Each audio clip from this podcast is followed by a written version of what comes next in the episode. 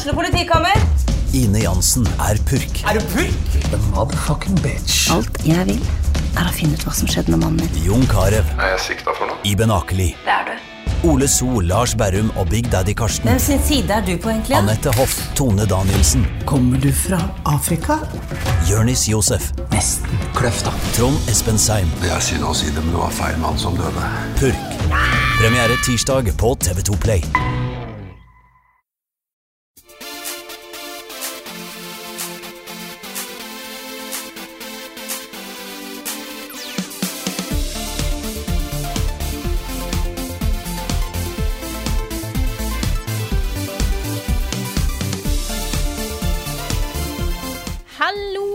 Sammen, og velkommen til en ny episode av podkasten Level Backup. Med meg, Frida Landmo, og med meg har jeg selvfølgelig Karl Martin Hogsnes og Rune Fjell Olsen, men vi har en gjest i dag.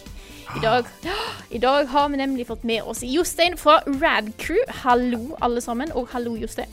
Hei. Hei, hei. Hei! Kult at du kunne være med, Jostein. Jo. Um, kan ikke du bare forklare hvem du er, for det kan Ja. jo hende. Jeg vet at det er veldig mange av lytterne av de norske spillpodkastene som hører på alle, eller på flere i hvert fall. Ja. Men det kan hende at det er noen uh, som ikke vet hvem Rad Crew er. Ja, ja, ja, klart det. Uh, nei, vi uh, Radcrew er jo en uh, gaming-podkast hovedsakelig, da, som uh, starta i 2011, og så har vi bare aldri slutta med det. Og vi kommer ut hver uke på alle kanaler så du vanligvis finner podcaster.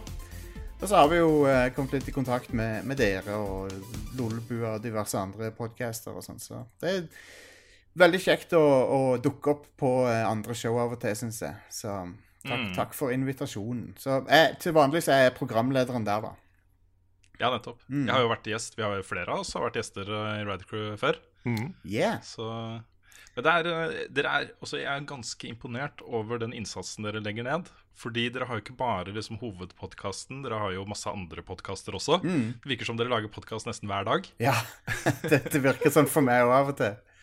Ja. Uh, nei, så det, det, det er klart uh, vi, vi produserer en god del, men, men uh, nå er det podcaster vi fokuserer på, da. Mm. Og det er liksom vår greie, da. Så um, etter hvert så lærer du å bli effektiv. Og det er entusiasmen som driver dere, ikke sant? Det er det. Akkurat som, eh, som de fleste andre som holder på med dette her. Jepp. Det merkes godt. Bra podkast. Jeg er eh, ikke fastlytter, men jeg hører på den når jeg har tid. Ja ja, men vet du hva? Det er alt vi ber om. Ikke sant? Det er helt supert, det. Mm.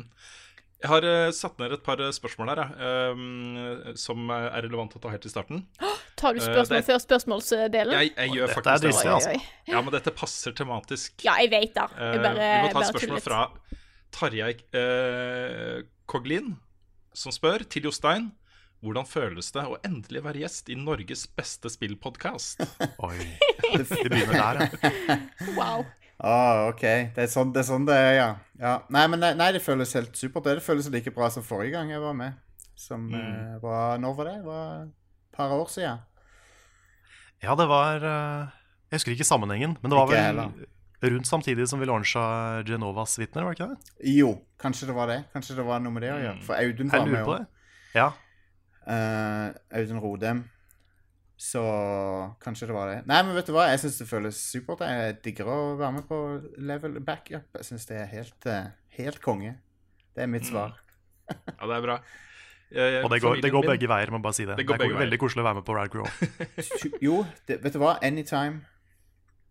Jeg har jo til og med vært live in person-gjest hos dere. Eh, Ja. Familien til kona kommer fra Stavanger, Yes. på farssiden. Så det var en sommerferie som eh, jeg trengte litt pause fra familielivet. Så da kjørte jeg leiebilen bort til eh, Radcorp Headquarters og satt eh, i en utrolig varm leilighet og var med på podkast hos dere. Nå har vi jo, nå har vi jo studio. Vi leier jo et Ja, lite rom nå. Som Mm. Nå sitter jeg ikke der akkurat nå, men uh, vi, vi har et uh, rom vi bruker i en eh, Mm. undisclosed location. CIA black site. Ja, veldig bra. Ja. Jeg har jo leid rom i dag for dette her. Nei, jeg tenkte jeg skulle Jeg er jo på jobb. Jeg er som en eh, ansvarlig person. Jeg spiller inn podkast i arbeidstida, men jeg, jeg tar jobben inn ellers hvis det er noen fra NTNU som hører på. Eh, jeg tenkte jeg skulle spille inn dette her på kontoret mitt, for jeg har jo fått meg kontor. Jeg er så fornøyd med det, men det kontoret var skikkelig drittlydig. Ah. Det bare smalt i alle vegger, og det var jo helt forferdelig. Så nå har jeg eh, leid et møterom. Med glassvegger, så alle sitter her og ser på. Det er noen som går forbi og lurer veldig på hva jeg holder på med akkurat nå. Hvis du, hvis du kjøper 20 madrasser, Ja, så kan du ha de, bare sette de opp langs veggene og opp i taket og sånn. Da blir det bra lyd. ja Det de som jeg er på kontor med, vil jo sikkert da. Ja, Ah. Ja. Det er nok letteste måten å gjøre det på, ja. det spørs Ja. det. Spørs det. Jeg kan spørre NTNU om de kan ly altså, lage et lydtett rom til meg. Mm, gjør Da gjør de sikkert. God idé. Ja, ja. Ja, ja. Vet du hva, jeg Beklager at jeg, at jeg tar litt uh, kommandoen her, men jeg har en nyhet Jeg har en nyhet som jeg må komme med. Det går greit. Før Eh, nyhetsspalten. Uh, Ja, ja, altså det er en, eh, en hva skal man si, en intern nyhet, kan man kalle det. Nå, nå kollapser hele podkasten, altså. Ja. Ikke sant? Og det er til og med med et spørsmål fra en lytter. Nei, Mm, det innledes med det. Oh, wow. Det er fra Gøran Nilsen, uh, som spør når kommer Radcrew, Lolbua og Level Up Norge til å ha liveshow sammen. Må bare bli helt rad. Det var drittbra sist. Og nyheten er onsdag 31. oktober klokken 17.00 på Tilt i Oslo. Norsk spillpodkastfestival Yeah. Wow. med Saft og Svele, Spillmatic, Lolbua, Radcrew og Level Up. Oh yeah. yeah! Jeg vil bare, jeg vil bare komme med én ting. Mm. Som sjef for denne podkasten så er dette første gang jeg hører om det. Ja, det var derfor jeg sparte den. Jeg ville ikke si noe før vi, var, uh, før vi spilte inn, Frida. Ja, men det går fint. Ja, men så gøy. Dette eh, Mm. må jeg prøve å få, uh, få tid til.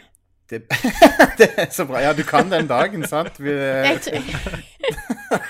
ja, altså, sånn er det når du plutselig får spørsmål. Når Ja. sånn er onsdag 31.? Mm. Ja da. Da gjør vi Det er veldig bra. det ordner vi. det var Det Det eh, blir så konge, altså. Det er 50 minutter per podkast, 10 Ja. minutter pause mellom. Eh, 100 kroner cover charge, som deles broderlig, ikke basert på antall lyttere av podkasten. Nei, det er bra.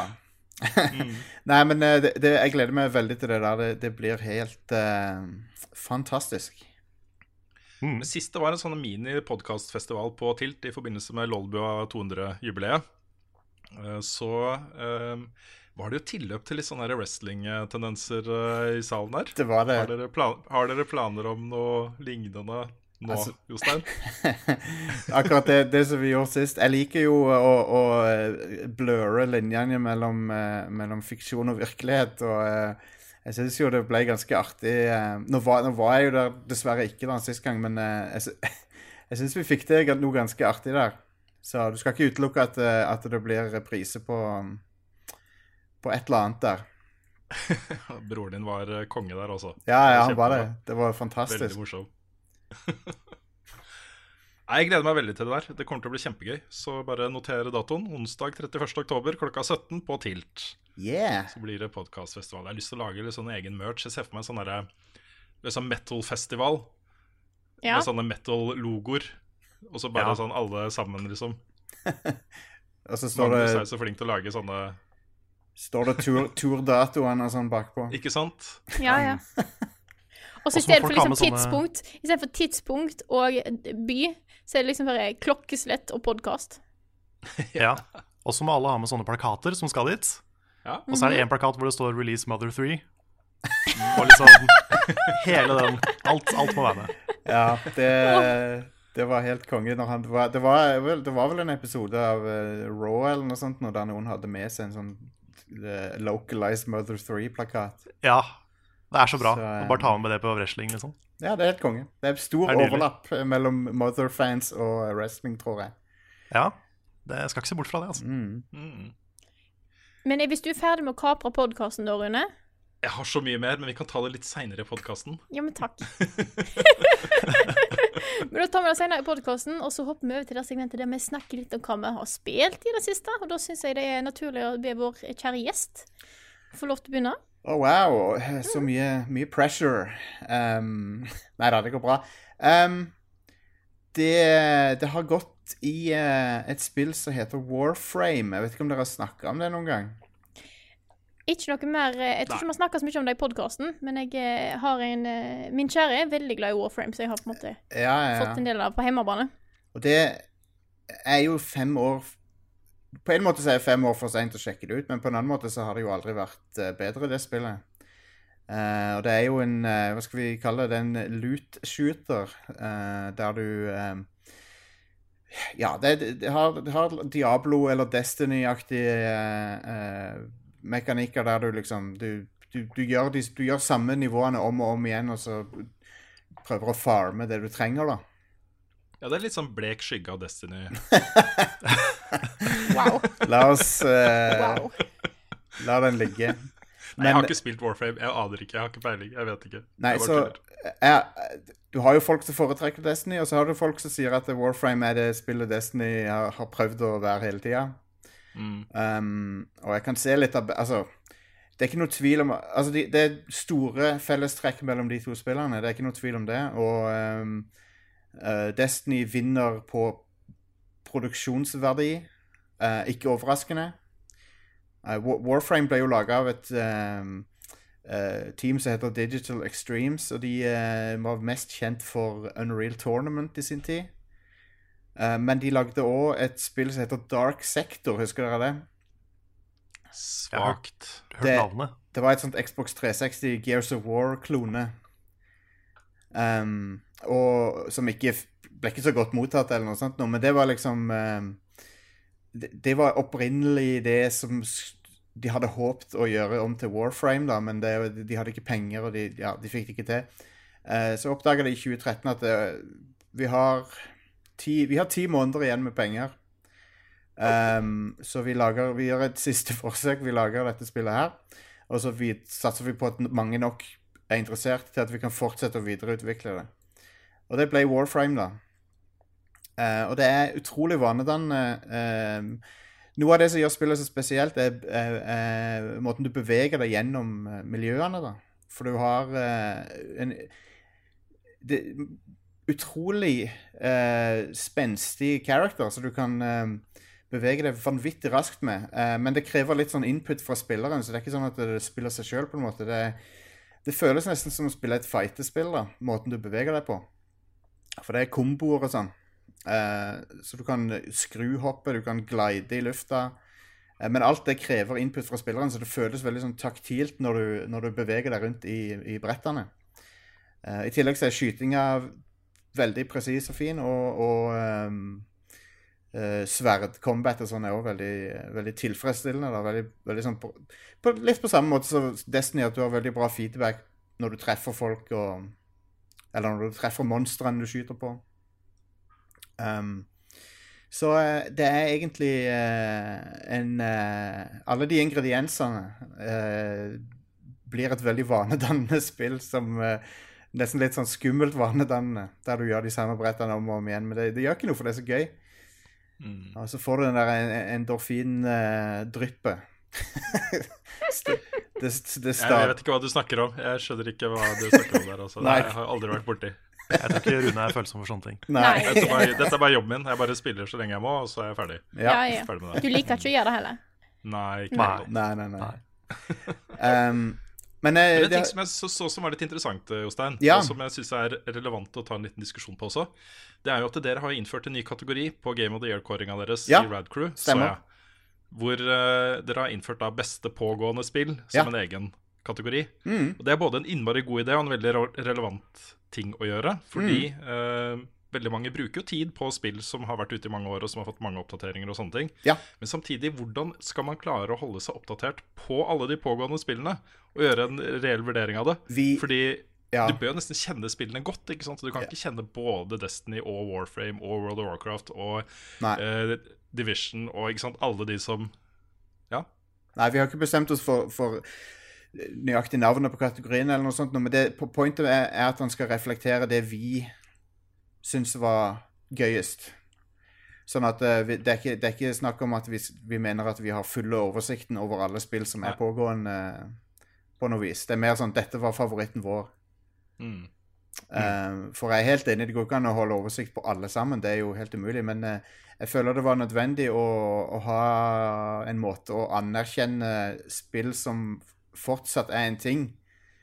Og, og kan, kanskje, liksom, kanskje spillet ikke var hadde nådd potensialet sitt det året det kom ut. Mm. Og, og kanskje det er et gratisspill, så det er, liksom, det, det er vanskelig å dømme det I noen situasjoner vanskelig å dømme det for hardt med en gang det kommer ut. F.eks. For eksempel Warframe i 2013. Jeg ville sannsynligvis ikke likt det. Eh, For det har endra seg så mye. Eh, Og nå syns jeg det, det er en av mine favorittopplevelser hele år. Så du må ha en måte å på en måte anerkjenne at ja, dette spillet har, har plutselig blitt et fenomen, liksom. En, når det er fem år gammelt. Mm. Og- Men jeg har fått med meg at, eh, at Nei, fortsett. Det, Eh, Ja, eh, sånn i år de hadde den fan-conventionen sin. Det var jo noe sinnssyk oppmerksomhet rundt den. Eh, den Warframe Convention. eh, der de viste fram en ny utvidelse, som selvfølgelig er gratis. Alt er gratis. Du kan, du kan spille hele spillet uten å betale en krone. Eh, det du betaler for, er hvis du vil se tøffere ut. som er veldig eh, tiltrekkende i det spillet, fordi de har veldig mange kule kostymer og sånn. Det, eh, det er det de kaller fashion frame. så de har et eget navn på det. Eh, men ja, så, så, så eh, De annonserte en hel haug med ting nå på den conventionen sin, og det, de, det var akkurat som det var det, det det er akkurat som De siste to årene så har det blitt et stort fenomen, liksom. Mm. Men det jeg har fått med meg, er da at disse utviklerne er egentlig veldig De virker litt som good guys, da. For det har jeg fått med meg Ja. kun positivt om dem. Fordi at all mikrotransaksjon er vel kun kosmetisk. Ja, eh, de har eh, De innrømmer sjøl at eh, underveis så har de gjort noen feil tråkk, da. Men det, det som jeg tror har gitt de så mye goodwill, er at når, de, når de innser at de har gjort noe som Oi, nå har vi kanskje gått litt for langt i retningen av uh, at du kan kjøpe deg fordeler, så har de gått tilbake på det. Ganske fort. Og så eh, har jeg òg fått med meg at de er veldig, eh, veldig gjennomsiktige med all data og sånt. Eh, For Ja. jeg har fått med meg at de faktisk har Det er en av de få som har lagt ut alle drop rates Mm, på alle items og sagt at sånn er det. mm. Eh, Istedenfor å se bare sånn ja, det er sjeldnere eller vanskeligere å få tak i disse her og disse her, så har de faktisk opp, oppgitt alle data Ja. og sånt. Og det er sånn, det er sånn hyggelig ting å gjøre, Ja, egentlig. det, det, og det er ålreit. Det er det. Um, og nå, skal, nå er ikke jeg her på dette showet for å, å snakke drit om Destiny, for at det, det er litt sånn uh, ikke, ikke en eh, Det er ikke stedet å gjøre det. Men eh, Destiny 2 hadde jo problem... Eller de, de, de eh, ble jo dessverre kjent for det stikk motsatte. Ja da. Vet du hva, også En veldig positiv ting som har skjedd nå, vi har snakka litt om det før, men etter alt det der styret rundt uh, um, Star Wars Battlefront 2, så har mange av disse utviklerne nå blitt tvunget og pressa til å endre litt praksis. Ja. Um, I motsetning til da uh, Warframe-utviklerne, som kanskje har gjort det, sett det komme litt og vært litt mer eh, Ikke sant? Mm. Uh, For eksempel så vil man nå, uh, når Forsaken kommer eh, neste Altså halvannen uke, Mm. så vil du kunne se um, eh, innholdet i disse lootboksene som er der. Altså, det heter jo noe annet, jeg husker ikke hva det heter i farta, for jeg bruker ikke tid på sånt. Men eh, det er, du vil kunne se hva som ligger i de, og prosentsjanser og sånne ting. Eh, det samme snakker EA om eh, med eh, Ultimate Hva heter det? Fifa Ultimate Foot? foot. Team? Ja, FUT, ja. Foot, Ja. FIFA Ultimate Team. Disse kortene, at man vil være mer transparente på hva du får i de pakkene du kjøper. Ja. Og det er bra at det skjer noen, noen sanne grep. Det er fortsatt mye å ta tak i der, altså. Men uh, det er på vei et sted som også kanskje kan bli mer positivt. Ja. Eh, Mer gjennomsiktighet i de der spillene som uh, der, der du blander uh, Der du blander på en måte loddtrekning og penger og sånn, så, så tror jeg det er smart og at det er det mest mulig gjennomsiktig, altså. Mm. Um, De jeg, prøver nok å gjøre det før det blir forbudt. ja, Ja. det er det. For de, de merker at det, det ble litt varmt under føttene de sine plutselig. Mm. De gjorde det. Uh, så, så det var på tide Jeg tror det, had, tror det var litt panikkstemning, faktisk. Mm. Nei, Warframe, kom på, eh, for å ta tilbake til Warframe. Det er liksom et spill som jeg har sett veldig mye av eh, på, på naboskjermen min. da. Eh, uten at jeg egentlig har spilt den, men jeg syns det ser veldig bra ut. Jeg får på en måte med meg når det skjer ting i spillet. Eksempel at jeg vet at det nettopp var en event der du kunne få en item som var fullstendig broken. ja. Eh, og så vet jeg også, den, den, eh, så fikk jeg òg med meg når Petter, min kjære, fikk den. Eh, og da kunne jeg fære rundt og bare være litt for sterk. Så jeg får, jeg får sett litt sånne ting. Mm. Eh, Jeg får sett litt hvordan det funker, men jeg, egentlig, jeg kan egentlig ingenting å spille, innser jeg. Nei, det, og jeg det kan kanskje, kanskje, hvis det har en svakhet, så er det at uh, det, å, det å for en ny spiller å, å komme seg inn i det, er bitte litt bratt uh, bakke. Uh, så det er, sånn at det, det er den typen spill der du bør definitivt bruke ti minutter, kvarter på å se et par introvideoer på YouTube.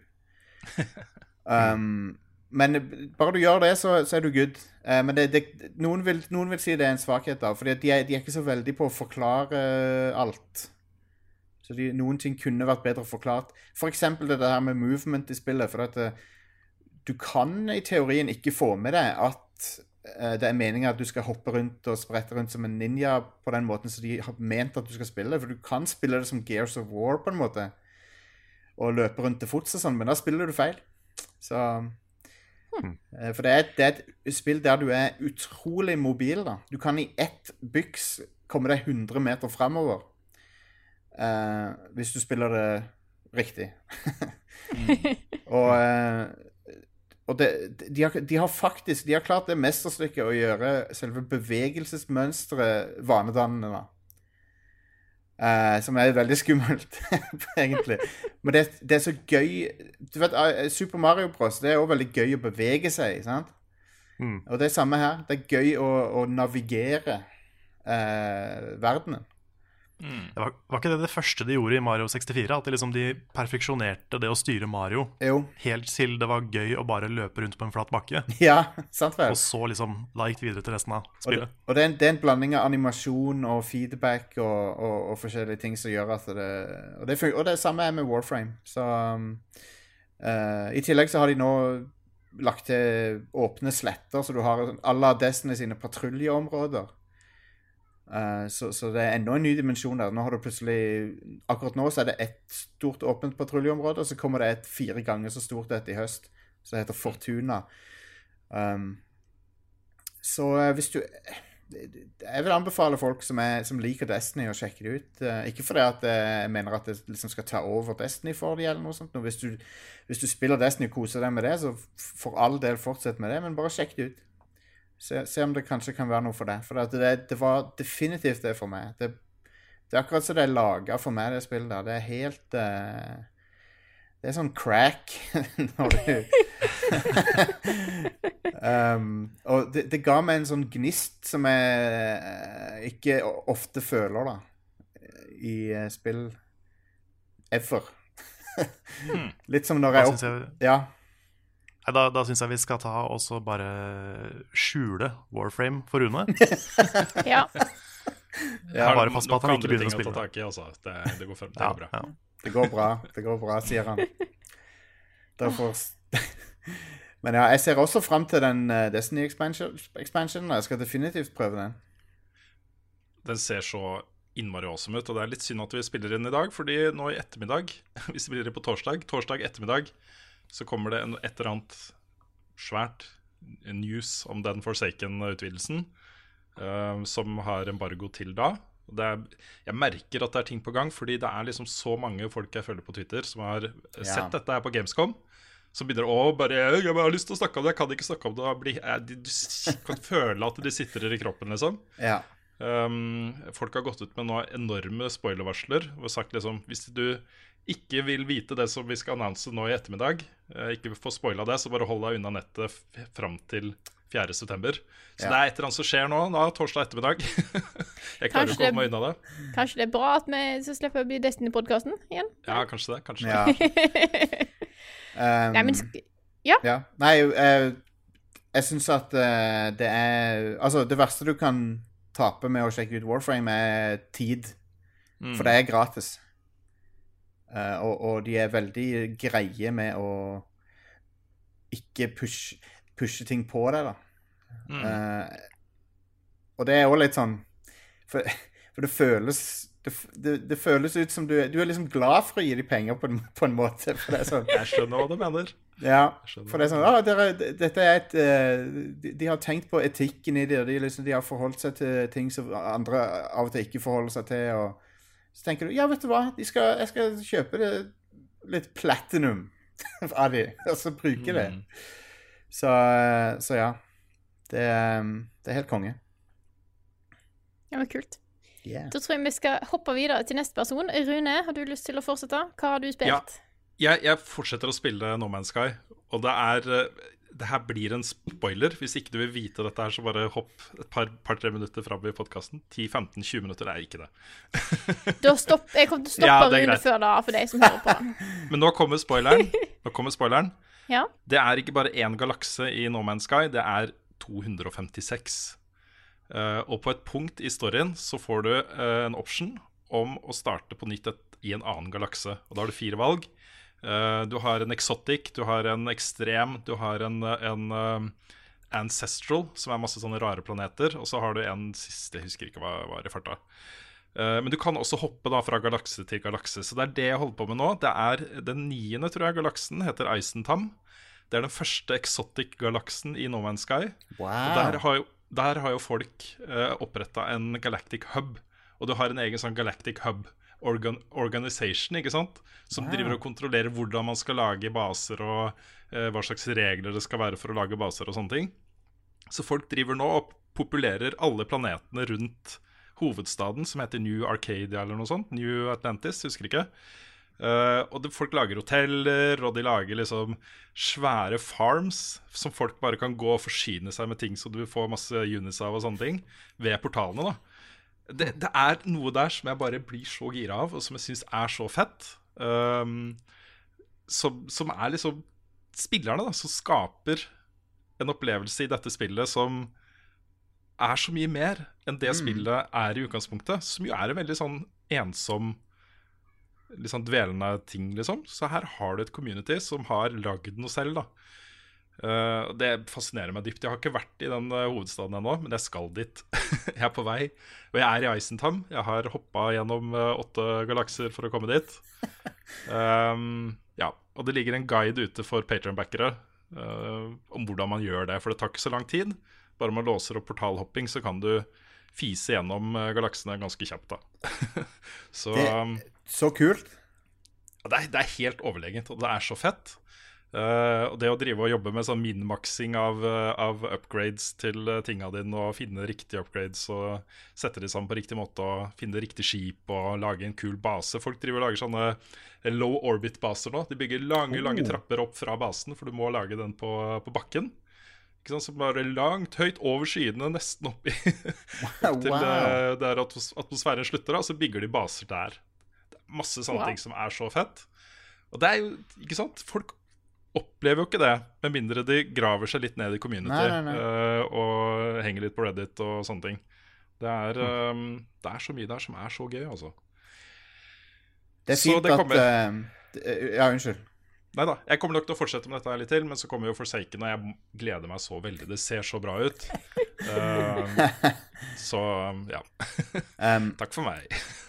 det, det er så kult at No Man's Sky har fått en renessanse.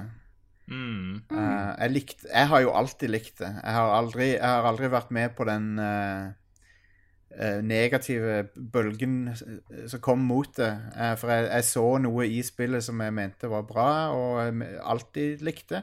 Men, det, men nå har det jo Nå virker det som det har fått en ny, ny vind der. og Mm. Ny, og det, det er veldig fint å se.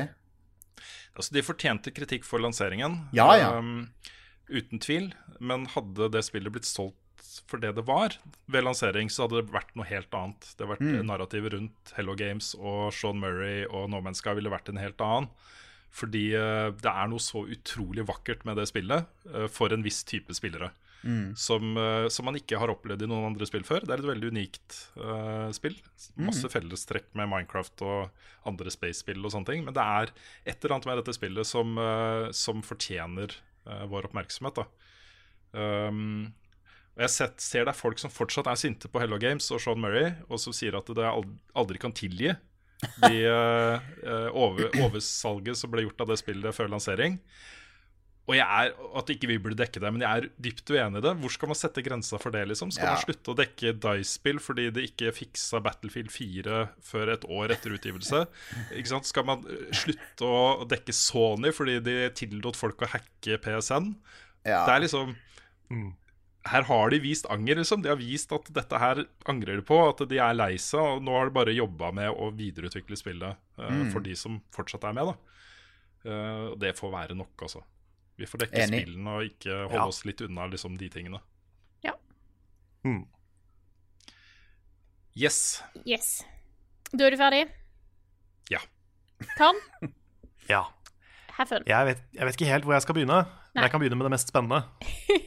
Fordi jeg har, etter mener jeg husker, 32 timer og 31 forsøk runda Dead Cells. Hei! Gratulerer. Nice. Wow. Thank you, thank you. Anmeldelsen min er ute på kanalen nå. Ja. Så den, eh, hvis noen er nysgjerrig på hva jeg syns, så er det bare å, bare å se den. Men jeg kan jo si litt at det er eh, Det var nesten en ti av ti. Det er helt Wow. sjukt. For det spillet er så Det er noe av det sånn mekanisk, sånn responsivt beste jeg har spilt. Da er, Det er liksom- fascinerende. At det er liksom ikke en frame med delay mellom det du gjør og det spillet gjør. Nei. Og det er sånn Hvis det hadde vært det, så hadde det ødelagt så mye. Mm. Men det er så utrolig smooth. Det er liksom ingen sånne Altså sånne frames med animasjon som er unødvendig for at det skal se bra ut. Det er bare liksom Det skal skje med en gang. Ja. Og sånn er hele spillet. Mm. Og da får du så kontroll. Og det er så deilig. Men Og så syns jeg den verden er så Selv om den er uh, procedurally generated, eller autogenerert, så er det Det føles liksom hånddesigna, da. Mm. At det er eh, Det gir så mening. Hver bane er liksom pen å se på. Hele spillet er veldig pent å se på. Og det er ingenting som ser ut som det på en måte er laga liksom forvirra av en maskin. Mm. Det er bare dritkult. Det første spillet som hadde det som eh, designprinsipp som jeg virkelig ble megaimponert av Det kan hende at det var noe før det, men det første jeg kom på, uh, Spelunky. Hvor hver ny playthrough av Spelunky så var det eh, forskjellig rekkefølge på hva slags verdener du var i, og ting, alt var liksom autogenerert. da Den spenninga som lå rundt, ba, rundt det der, hva er liksom Hva er det neste området? Eh, For du har kanskje vært gjennom alle områdene, men du lurer på hva, hva det neste området er, og hvordan er det lagt opp, og hva slags skatter er det der, og sånne ting.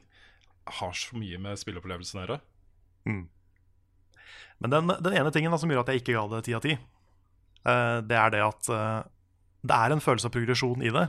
Fordi det er jo en, en rogelight, som betyr at du, du dør, og så må du starte helt på nytt. Som er harsh, men du får noen upgrades av og til som du kan beholde. Og du kan låse opp flere våpen, og du kan låse opp liksom flere healing-flasker og sånne ting. Så du blir jo liksom sterkere for hver gang. Men på et visst punkt så stopper det opp litt. Og da er du liksom bare Da stanger du bare i en vegg, da. Oh.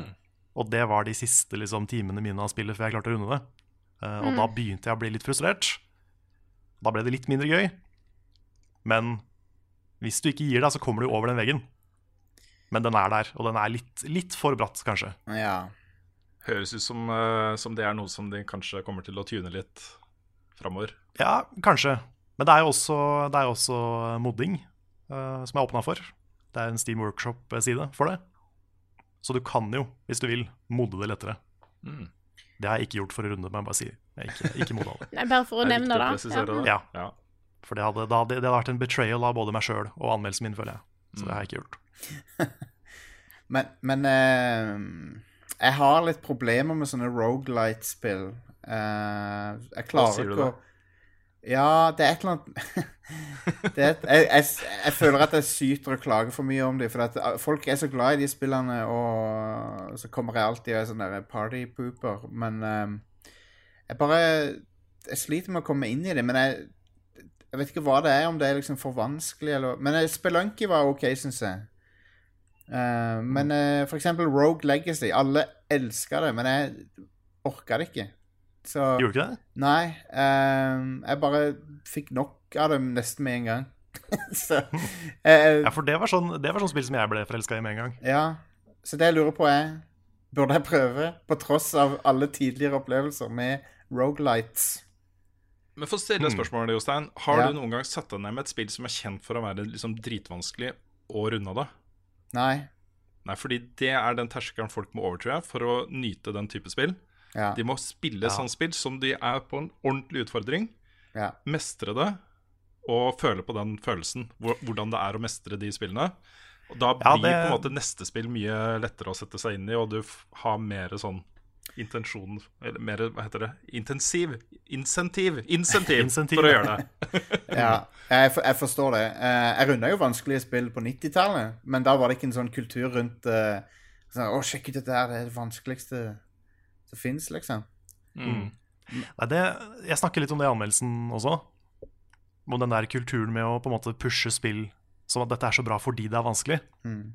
Men det er på en måte ikke det som tiltrekker meg. da Nei. For meg så er det bare det at spillet er så mekanisk bra at Mm. jeg får lyst til å spille det igjen. Jeg får lyst til å bli god i det. Og alt det der.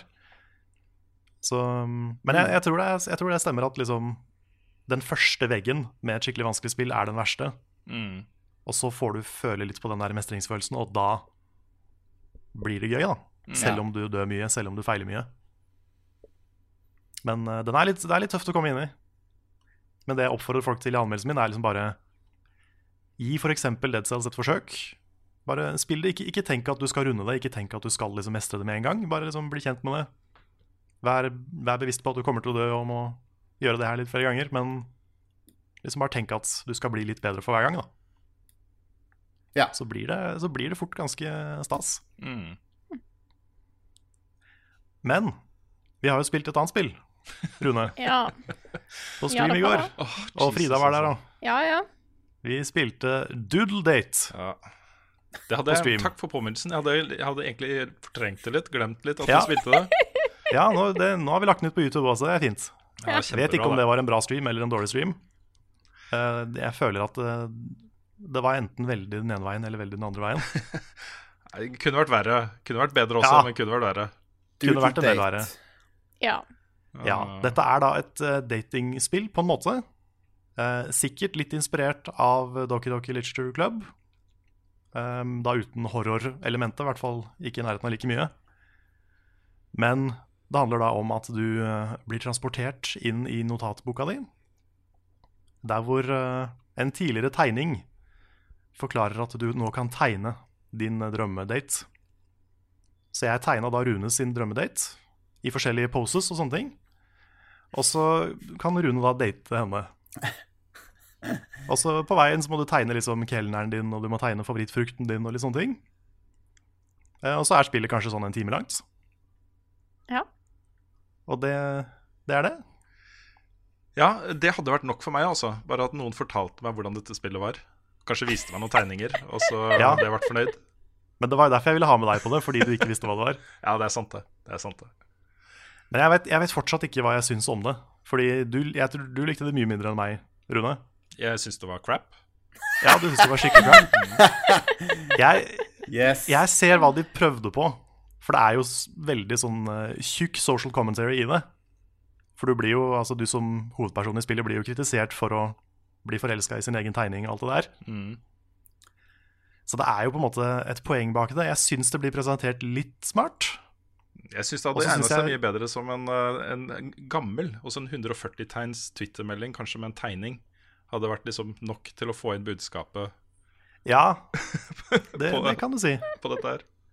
Ja, Jeg syns det Ja, var litt altså- morsomt. ja jeg, jeg, jeg, syns måte- humoren fungerte i hvert fall av og til. Ja, og så var det òg litt av det at det var så absurd at det blir morsomt. Mm. For det, det, historien Jeg skal ikke spoile noe hvis noen har lyst til å spille Doodle Date, Ikke men det. historien tar jo noe Det, det, koster 16 kroner, altså. Det, det er, du kan prøve det. Ja, historien tar jo noen vendinger, så det er litt interessant. eh. Det var vel mest at jeg bare ikke det er sånn, eh, What? Det var litt mer min, eh, opp, oppsummert min opplevelse av det spillet. What? Ja. What? Det er en fin oppsummering av spillet. Ja. Men det jeg, høres eh, Jeg tror jeg styrer unna det. ja, jeg må jo også si da at jeg, har, jeg hadde bare sett den ene uh, historien fra det. Og det var, det viste seg å være den morsomste av de. Så den vi tok i starten, den var ikke like morsom. Så jeg hadde forventa at spillet skulle være morsommere, men det var fortsatt litt morsomt. Jeg syns slutten på den vi tok, den synes jeg var morsom. Ja. Ok. Så eh, det kommer veldig an på humoren din, og kommer veldig an på hva du forventer, tror jeg. Og hvor glad du er i å tegne ting som blir levende. Kommer an på om du har bra humor eller ikke. Ja. Oi. Ja, ok. ok. Jeg bare tuller, jeg bare tuller. Jeg bare tuller. Wow. Jeg tuller, jeg, tuller, jeg er ikke sånn Jeg, føl jeg føler du ble litt sånn offended du av det spillet her, Rune. Nei, men det Jeg er eh, Jeg, jeg syns det er kjempekult at folk prøver, og at har gode ideer som de setter uh, til livs. um, Og f skaper noe som er basert på en idé som er god. Um, Ja, for ideen er god, syns jeg. ja, ideen er OK, men jeg syns ikke den er godt nok utvikla. Og jeg syns uh, den, den uh, er ikke god nok til å bære et helt spill. Er det min mening, egentlig. Så jeg, når jeg sier at det er crap, så betyr det ikke Altså, ideen er god, og det var ting der jeg likte. Men som et helt spill, som en hel narrativ opplevelse, basert på at du tegner, og, eller spilleren tegner, da, det som, øh, som skjer i spillet det var, det var ikke bra nok til å bære et helt spill. Og jeg syns også de der ha-ha-øyeblikkene eh, ikke var eh, morsomme. Så morsomme som det du syns. Og da, da er det ikke så mye igjen. Um, hva om du komprimerte det til sånn WarioWare-mikrospill? Ja. Et, Ja, det. Dette, hvis, hvis dette spillet hadde tatt ti minutter å fullføre, så hadde det kunne vært et mesterverk. ja. Hmm. Ja, jeg, jeg ser den. Jeg, jeg er ikke uenig i det du sier, men jeg, jeg syns ikke det var like dårlig som det du syns. Nei da, man kan være Jeg er ikke helt uenig i det du sier heller, men det handler jo om hva man henter ut av opplevelsen som et helhetsbilde, ikke sant. Mm. Det er ikke et spill jeg vil anbefale, bare så for å, for å ha sagt det. Men det er kanskje sånn Hvis Rune er på to av ti, så er jeg kanskje på sånn fire-fem. Mm. Eh, Ble du helt ja. på fem? Ja, kanskje. Nei, fem er kanskje litt mye. Fire. Fem er Fire. gjennomsnittlig bra spill. Så begge Ja, fem var litt mye. Litt under gjennomsnittlig. Ja, Ja, litt er under gjennomsnittlig. ja, Ja. jeg, føler, jeg føler fem er litt sånn Det er litt svakere enn på, akkurat på snittet, ja. Ja. ja. Mm. ja, fem var litt for snilt. Fire. Fire ligger jeg på. Da tar jeg over. Ja. Ja. Fordi at jeg har jo ikke, ikke bare spilt Stardew Valley denne gangen. Jeg har jo nemlig begynt på et nytt spill som, eh, som er det, det har Det er en tendens til at en del indiespill som jeg eh, spiller, er kommer, og at det kommer en, først en melding fra Rune som står Hei, Frida, dette er sikkert noe for deg. Og så spiller jeg da. Det har vært på litt mange ting. Eh, så det jeg har begynt på nå, er et spill som heter Bad North, som nettopp Oh, kom til. Switch. Og der Yes. er det eh, Der er det en, en liten kjent nordmann som står for lyddesignet. Martin Kvale. Martin Kvale. ja. Det er litt av grunnen til at jeg sendte deg meldinga også, da. Altså, jeg, jeg, jeg, er ikke så, jeg er ikke venner med Martin, men vi hadde en eh, timelang eh, kjempekoselig prat i sommer hvor han bl.a. snakka om dette spillet her og sånne ting. Så jeg foretrekker kanskje at noen andre tar det, uh, bare av presseetiske grunner. Uh, men jeg hadde ikke hatt noe problem med å ta det. Også, så godt kjenner jeg henne ikke. Men det er fint. Og så har vi deg sant, som liker sånne spill. Ja da. Så. Jeg er veldig glad i både den stilen og litt sånne der små indiespill. Det, det, har blitt min ting, da. Eh, Mm. Så da er Bad North et sånt eh, Nå leser jeg rett av nettsida. Det er et minimalistisk eh, realtime taktikk rogelight-spill. Der du Oh. spiller basically Du spiller noen små jeg, har ikke sett så mye rogelight-biten av det ennå, men det er jo sånn at du må spille det flere ganger. Fordi at jeg, jeg spilte til jeg døde i går, og da følte meg litt trist. Fordi at det som du gjør, er at du styrer Du styrer liksom litt små armeer på ei øy. Det er veldig minimalistisk stil. Jeg, jeg er veldig fan av det. Eh, så er på noen øyer der du skal beskytte et par hus. Og så kommer det fiender i båt. Vikinger, er det ikke det? Jo, jeg tror det. Så kommer i land på disse små øyene, og så skal du da slåss mot dette her. Og så kan du oppgradere dine eh, folk til om de skal ha bue eller sverd eller sånn stor pike. Som, altså, sånn pike så du bare står og egentlig bare spidder disse folka. Eh, og så kan du finne ekstra våpen og litt sånne ting. Det egentlig, jeg syns egentlig det er litt kult. Det er hovedsakelig fordi jeg er veldig fan av artstilen. Men jeg syns òg det er faktisk veldig, veldig gøy. Så jeg eh, spilte det i en nesten to timer i går, tror jeg. En og en halv time. Eh, til døde. Og jeg, det sånn, det, I starten var det sånn Å, dette her er jo greit. Dette her er jo enkelt. Dette får jeg til. Og så bare sånn Å, skal det være enkelt hele veien? Og så plutselig var det ikke enkelt lenger, og så døde jeg. Eh, Så da står jeg der, og så står jeg med mine tre armeer, og så plutselig så døde hele den ene hæren. Jeg bare nei, nå- når skjedde dette? Hjelp. Og når eh, hæren din har da Eller når på en måte lederen for den ene hæren har dødd, så får du den aldri tilbake igjen. Men eh, så, så lenge du har liksom én mann igjen, så kan du regene hele hæren. Så det er litt interessant. Men ha. Ha. Så jeg, jeg liker konseptet. Jeg syns det er kult, så jeg skal definitivt teste det en del timer til nå framover. Så da er Og selvfølgelig, lyddesign er veldig bra på, på jobba, Martin. Du er flink. Og så ser det helt nydelig ut.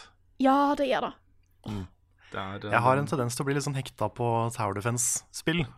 Mm. Så jeg er litt redd for at jeg kan bli hekta på det her. Mm. Dette er jo mye mer realtime-basert, at du faktisk går Ja. og flytter hæren din aktivt. Og når du skal flytte en hær, så på en måte går tida veldig sakte. Men det går fortsatt fort nok. Det er det sånn der Å, shit, jeg må flytte den her. Nei, jeg flytter den feil. Damn. Og så må du på en måte bare Ja. Men jeg, jeg, jeg, jeg, jeg liker det. Jeg eh, Er det litt sånn eh, Kingdom Rush? Har du spilt det? Nei. Nei, ok. Det, er, det høres ut som det er litt Kingdom Rush. Det ser, eh, det ser veldig Tower Defense ut når jeg ser på bilder her. Mm. Um, Så uh, Men det, det det, føles ikke som en tower defense i den grad som jeg er vant med, der du setter opp bygninger, og så kommer det en wave. Nei, nei. Ting er veldig mye mer levende. Ja. Mm. ja for jeg, jeg tenker litt på de hvor du også kan bevege units og, og sånn. Ja, ok. Mm. Ja, da er det nok litt sånn. Kult. Um, det ser veldig lekkert ut. Absolutt, det gjør det. Så det er, det, det, det er veldig pent.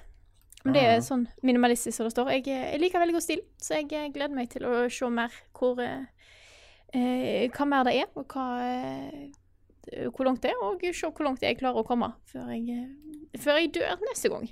Yeah. Rogelights, altså de kommer til å ta over verden. Ja, altså. Øh. det, er det jeg er redd for. Eller jeg våkner midt på natta av og til og har mareritt om, eh, om rogelights. No! Så jeg er svett og bare åh. Så kommer det Warframe 2 er en rogelight.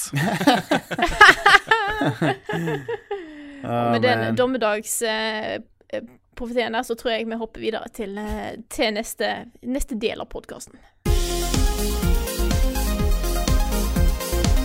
Skal ha anbefaling, og vi har jo en tradisjon at det er gjesten som skal få lov til å anbefale ting. Så da, er- den fortsetter vi med, for det er tradisjon, og da er det viktig å holde på sånne ting. Så Jostein, vær Ja. så god. OK, så jeg tenkte Vi har jo hatt litt fram og tilbake på Twitter av og til, Rune og meg, og eh, når det gjelder dette her med eh, profesjonell bryting, pro wrestling, eh, som er en interesse jeg har fått sånn i de siste årene. Det var vel Inger Lise i Rad Crew som fikk meg, på det der. der. Uh, og det er jo kan, kan jo beskrives som uh, såpeserie kombinert med live stunts og sånn.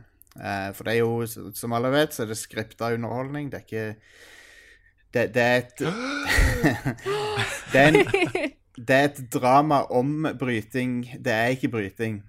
Uh, det, det, det er veldig sånn meta. Så ehm, Men uansett, er, alle, kjenner til WWE. Sant? Det er jo de som er mest kjent innafor dette her.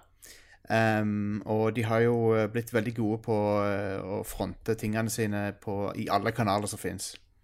Um, nylig så hadde de Det som jeg tror kanskje kan være en kul inngangsportal for folk som er litt nysgjerrig i, det, da, er det som heter NXT. Som er eh, delvis sånn utvikling av nye talenter, og delvis så har, Eller de har veldig bra show i sin egen rett, da. Uh, men det, er, det var opprinnelig tenkt som en sånn der, der unge talenter kan komme seg opp og fram, da. Uh, De hadde en stor event nå forrige helg som heter Takeover. Og den vil jeg på det sterkeste anbefale å sjekke ut. Du, de, har to, de har sånn to måneder gratis abonnement på det WWE Network nå. Og uten at det er noe binding eller noe sånt, nå, så du kan sjekke det ut helt gratis. Um, det er altså NXC Takeover Brooklyn, heter det. Det er tre, to og en halv, tre timer langt show. uh, med noen av de beste eh, talentene innafor denne her uh, Hva skal vi kalle det? Underholdningsformen. Um, og halsbrekkende stunts og masse drama. Uh, virkelig bra produsert. Og fjes som du ikke har sett før. Det er ikke sånn John Cena og, og The Rock og sånne folk, men det, er liksom noen av de up and comerne, da, kan du si. Uh, så det er veldig fascinerende å se hvor ting er på vei, og ting, ting har utvikla seg i den underholdningsformen siden 80-tallet. Uh, det har en helt annen energi nå. og Det er, veldig, det er nesten litt sånn punk uh, over det. Mm. Ungdommelig og fresht, vil jeg si. Så jeg, sjekk ut NXT Takeover Brooklyn fra nå, denne søndagen som var på VVE Network. Det er min anbefaling. Bare, om, du, om du bare er bitte litt nysgjerrig på hva, på hva som er eh, appellen til dette her. Det, det er det jeg vil si. Ja, Men du må si mer, for jeg har et par ting jeg har lyst til å ta på deg. Ja, ja, ja. ja. ja. Eh, Det første var eh, For du skriver en del om wrestling, på Twitter. ja jeg gjør det. Det første tingen som jeg syns var artig, var at du anbefalte nå Marit Bjørgen Ja, om å starte wrestlingkarriere. absolutt. Og det var Altså, det er jo sånn. Jeg vet jo at det ikke kommer til å skje, sant, men hun Men OK, hun legger opp eh, Og ofte det som skjer, er liksom når folk legger opp i idrett så, i USA, så spesielt hvis de holder på med um, UFC, men også fotball og sånn, så går de ofte til pro wrestling, da, for du kan finne Du kan finne en ny karriere der. Hvis du fysisk Hvis du har fysisk talent, hvis du har karisma, og hvis du har eh, liksom kroppen til det, hvis du har looken um, Ikke det at det bare er én look som blir akseptert der, men det er liksom Hvis du har X-faktoren, la oss si Og jeg mener hun kunne, hun kunne passe inn der. Hun har uh, Hun har et eller annet som gjør at folk liker henne. Og det er det du trenger. Mm. det hadde vært veldig gøy å se. Det hadde det. Og så lurer jeg på hvor mye du egentlig ser på TV. Fordi dette er jo den uh, Twitter-meldinga som vi krangla om på Twitter. Yes. Eh, du skrev den 25. juni. Ja. Eh, pro wrestling på sitt verste kan være like kleint som f.eks. Paradise Hotel eller andre realityshow. Ja, ja. Men på sitt beste overgår det all annen historiefortelling på TV. Ja. All annen Ser du mye på TV, Jostein? ja jeg har sett The Wire, hvis det er det du skal spørre om. Du, Det har jo kommet tusen dritbra TV-serier de siste 20 åra. Jeg har sett Jeg ser masse på TV. Um, jeg kan Altså det, det, Twitter er et perfekt medium å legge ut provoserende ting på, sant? Du, du har lyst til å få reaksjoner. Um, selvfølgelig fins det eh, serier som har bedre skrevet manus. Selvfølgelig fins det liksom eh, folk som jobber I, I TV nå om dagen så fins det folk som jobber på toppen av hva, hva gjelder dramaturgi liksom, foran kamera. Det, TV er en gullalder, sant? så, så det, det er jo litt absurd å tweete noe sånt som det der. Men det jeg refererer til, er at uh, en, en, av og til, hvis du virkelig følger med på, på dette her, så, uh, så skjer det ting som er eh, så intenst uh, engasjerende at du, du, du, du hopper i stolen. Du, får, du, du lever deg så inn i, i de der storylinene, og kanskje, du hek, kanskje det er en person du hekter deg veldig på som du liker. Kanskje det er en, liksom en av karakterene som du, som du får veldig sansen for. Kanskje du har vært med de i flere år fremover der de har liksom slitt med å komme seg til topps, liksom alt, alt, alt har gått imot dem, så plutselig får de en seier. Kanskje, kanskje det er to, to, to characters som var venner, og så blir den ene dolka i ryggen av den andre fordi han så en mulighet til å klatre til topps. Det er sånne veldig sånne um, jeg, jeg tror det er fordi det er så veldig ba basic eh, historiefortellingmekanisme, så blir det veldig sånn rått, på en måte. Så det treffer en sånn rå nerve, da. Um, det går helt ned til det, det er helt ned til kjernen av hva historiefortelling foran kamera er, da. Så hvis du lar deg sjøl bli revet med, så eh, tror jeg du kan oppleve det på den måten. Jeg må bare få legge til at jeg har ingenting imot at verken du eller noen andre liker wrestling. Nei, nei, nei. Det, er, det var liksom bare den spissformuleringen. Du vet jo at du er så spissformulert på Twitter, og det hender så ofte uh, at uh, Og Rune blir så provosert hver gang. Ja. Jeg, det at jeg kjenner det, og, Ja. og ikke sant, kan se deg for meg eh, når jeg leser de meldingene, gjør det enda verre. For jeg ser litt for meg at du sitter der, ikke sant og Også med sånn sigar. Ja, nesten på det nivået der. Nå skal jeg fyre opp det der. Det, noen ganger så føler jeg at du skal fyre opp meg når Ja. du skriver meldinger. Det er liksom Du er litt sånn troll på sosiale medier, eh, Jostein. Ja, jeg vil, jeg vil ikke assosieres med folk som faktisk eh, trakasserer eller troller folk, da, for det gjør jeg ikke. Men, eh, Men jeg, ja, Men jeg kan komme med et par eksempler. Ja. Jeg, hadde tenkt, skal, jeg hadde egentlig tenkt å lage en sånn der egen spalte i denne podkasten her, hvor jeg konfronterer deg med twittermeldinger. Men Å, det viser seg at det er umulig å finne twittermeldinger. Det er sikkert mulig. Ja. Uh, men for det første så skriver de jo ca. 100 twittermeldinger om dagen. Så det å gå gjennom det arkivet er ganske tidkrevende. ja. Eh, jeg vet ikke om det er 100, da. Det er noen. Kanskje. og for det andre, det blir så mange da at arkivet går bare tilbake til juni, juni eller noe sånt. Ja. Men eh, det er jo sånn Hvis du har noe å konfrontere meg med, så må du bare gjøre det, men eh, Ja. Den første husker jeg ikke ordrett. Det er mange år siden. Du skrev noe et eller annet om at Journey var noe av det mest oppskrytte innen spillmediet noen gang. Ja. Um, det var noe jeg følte veldig sterkt sikkert i øyeblikket, fordi jeg hadde sikkert lest et eller annet masse lovord om det og sånn, og så ble Sjøl så hadde jeg en så kjip opplevelse med det spillet at um, det, det farga meninga mi om det for all framtid. Så jeg har jeg, jeg er ikke fan av det spillet. Jeg, jeg, kan skjønne at det er noen som blir, som blir veldig fan av det, for det, det har en veldig sånn Det er et Ja, vi trenger ikke å ta en lang anmeldelse. Nei, nei. Uh, Men men det er greit. Der og da så følte jeg sikkert det. Men ja, det er jo en smått absurd ting å si, da. Det er jo det. Mm, Um, det er det. det fins mer oppskrytte Eh, spill enn det. Ja. Men mangfold er bra, vet du. Mm. så, så det er fint. ja. Jeg tror egentlig- Juli. OK, såpass, ja. ok, Greit. Det Ja. fortsetter, ja. 24 Jeg tar et par til. Par til. ja da. Da jeg først har det her, Jostein Det er helt tydelig at Rune er irritert at Jostein Berresang kan konfrontere han om disse Twittermeldingene, som han har irritert seg over lenge. Du vet, vi Ja, ja. Kan, du vet vi kan chatte på Facebook òg, Rune. Du kan Nei, bare ta kontakt. Han må gi deg offentligheten. Er dette Ja, okay. Yes. 21. juli i år. Tom Hardy is the most overrated actor working today. Ja, ja. Hashtag sorry, not sorry. Helt eh, Det står jeg for 100 Jeg syns han er en okay. um, Altså, han er jo ikke Han er jo bedre skuespiller enn jeg men jeg har det jo ikke så yrke, sant. Um, jeg bare syns han er en uh, kjedelig fyr. Og så er han vanskelig å forstå. Skjønner aldri hva han sier. Ja, det er litt sant. Han, jeg er ikke enig. Nei. nei, nei. Eh, 23. 23. ap april i år var den siste nyeste meldinga jeg fant. Demons Souls is hot garbage. Ja, det er det. Uh, det er et spill som uh, Som ikke hadde Der de, der de liksom